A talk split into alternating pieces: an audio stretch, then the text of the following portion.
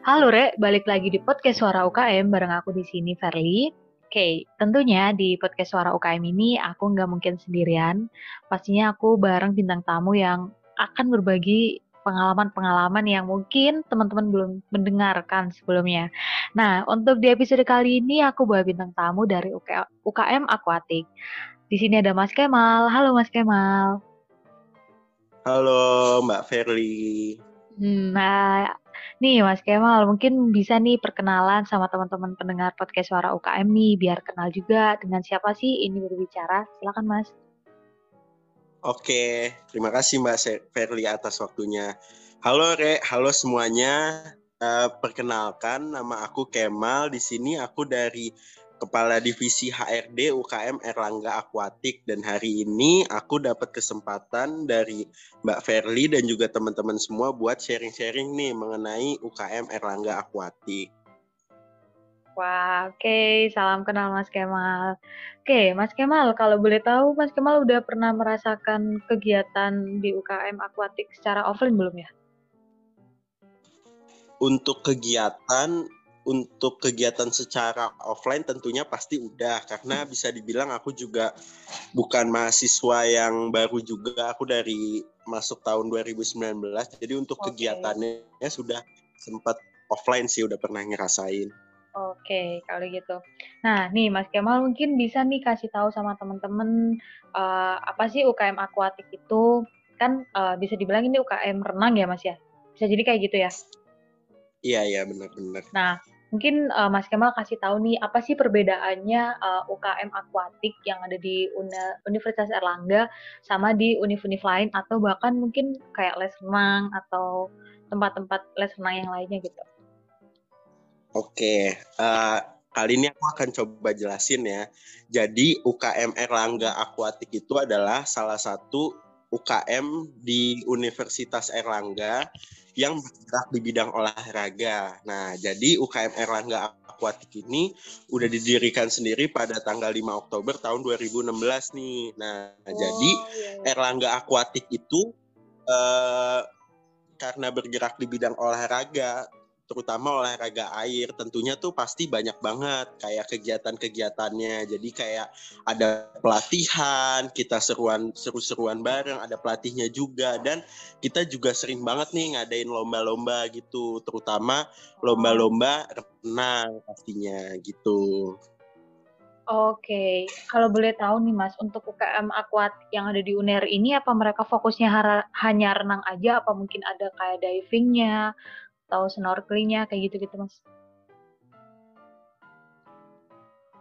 Uh, kalau misalnya UKM Erlangga Aquatik sendiri sih pastinya ada ya. Mungkin kenapa kita sebut akuatik nggak hanya UKM renang karena sebenarnya ada untuk latihan diving segala macam. Jadi nggak hanya renang, untuk selamnya juga ada gitu. Jadi uh, bisa dibilang ini salah satu UKM yang bergerak di bidang olahraga air gitu. Wow, nah nih buat teman-teman pendengar podcast Suara UKM, ternyata uh, eh, UKM akuatik yang ada di UNER ini berbeda loh dengan UKM-UKM yang uh, mungkin UKM renang atau les renang yang pada umumnya ya Mas ya. Banyak banget yang bisa dipelajarin. Contohnya juga tadi itu teknik menyelam dan pokoknya yang berhubungan dengan olahraga air ya Mas ya. Bener banget. Oke, Mas Kemal, mungkin boleh nggak sih Mas uh, ceritain sedikit deh uh, apa sih kegiatan yang biasa dilakukan gitu loh. Tadi kan udah sempet dimention nih kayak ada latihan uh, menyelam dan segala macamnya.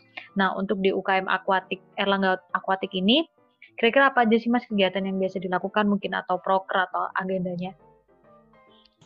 Oke, jadi kita ini sebenarnya banyak banget ya kegiatannya dan karena untuk UKM Erlangga Aquatik sendiri ini udah mempersiapkan nih segala segala aktivitas yang dilakukan pada saat offline maupun pada saat online. Mungkin aku jelasin pada saat offline dulu ya.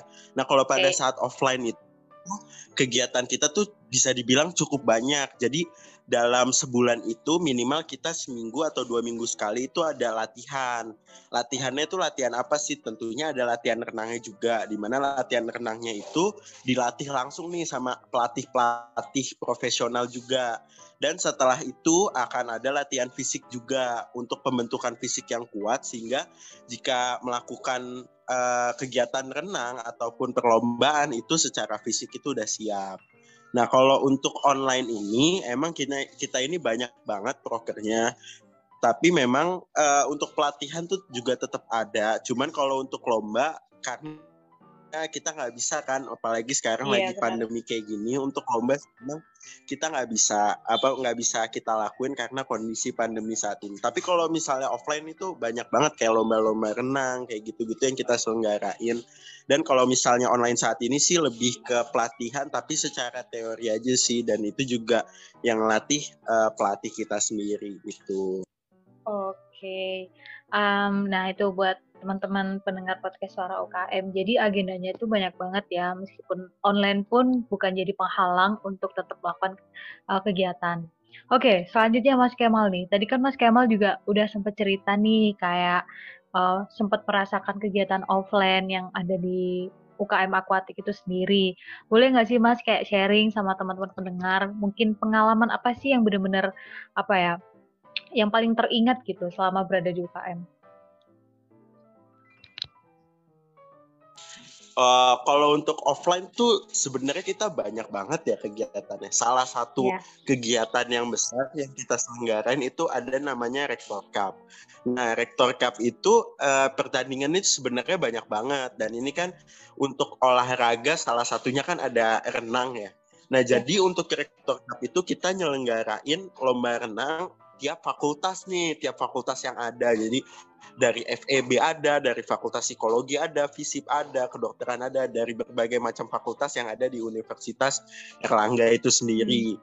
Nah, untuk lombanya tuh sebenarnya uh, renangnya itu banyak banget gayanya. Jadi ada gaya dada, gaya punggung, gaya bebas, dan ini uh, juga diselenggarakan tidak hanya untuk eh, laki-laki uh, aja ya teman-teman, tapi juga untuk perempuan. Dan kita di sini juga pada saat lomba offline itu antusiasmenya itu juga banyak seru yeah, banget yeah, gitu yeah. karena juga nggak hanya dari atletnya aja karena kita bisa lihat antusiasmenya itu dari penontonnya juga supporter jadi kayak ya mas ya saling saling antusiasmenya tuh bener-bener tinggi banget. Kalau okay. teman-teman penasaran, teman-teman bisa lihat di Instagramnya Erlangga Aquatic itu. Wah, jadi kayak sekarang itu jadi kangen banget gak sih Mas kayak kegiatan offline yang sebelum pandemi ini gitu loh. iya, banget pasti sih. Cuman kegiatan walaupun online gini kita tetap harus semangat. Iya, gitu. benar-benar banget, benar. Jadi kayak pandemi ini bukan halangan juga sih. Nah, uh, semoga aja ya pandemi mas segera berlalu ya biar kita juga bisa kumpul-kumpul lagi. Uh, ya, nambah pengalaman gitu lah ya biar ada cerita baru gitu. Oke, Mas Kemal selanjutnya nih mungkin yang terakhir nih kan uh, banyak nih pertanyaan dari teman-teman yang pengen masuk ke Erlangga Aquatic nih. Kira-kira uh, kenapa sih Mas uh, para pendengar podcast suara UKM ini harus masuk ke UKM akuatik. Nah, ini juga biasanya ditanyakan nih kalau mau masuk ke UKM ini apakah harus bisa renang atau harus dia itu atlet renang atau gimana Mas? Mungkin bisa dijelaskan, kasih tahu nih ke teman-teman.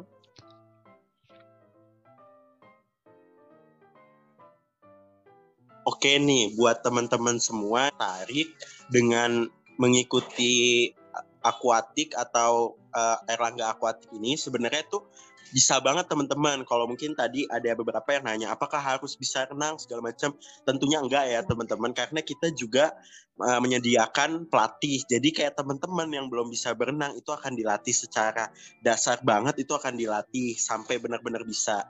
Dan untuk UKM akuatik sendiri itu enggak hanya dikhususkan untuk para orang yang suka renang aja. Karena kita juga ada nih kepengurusannya.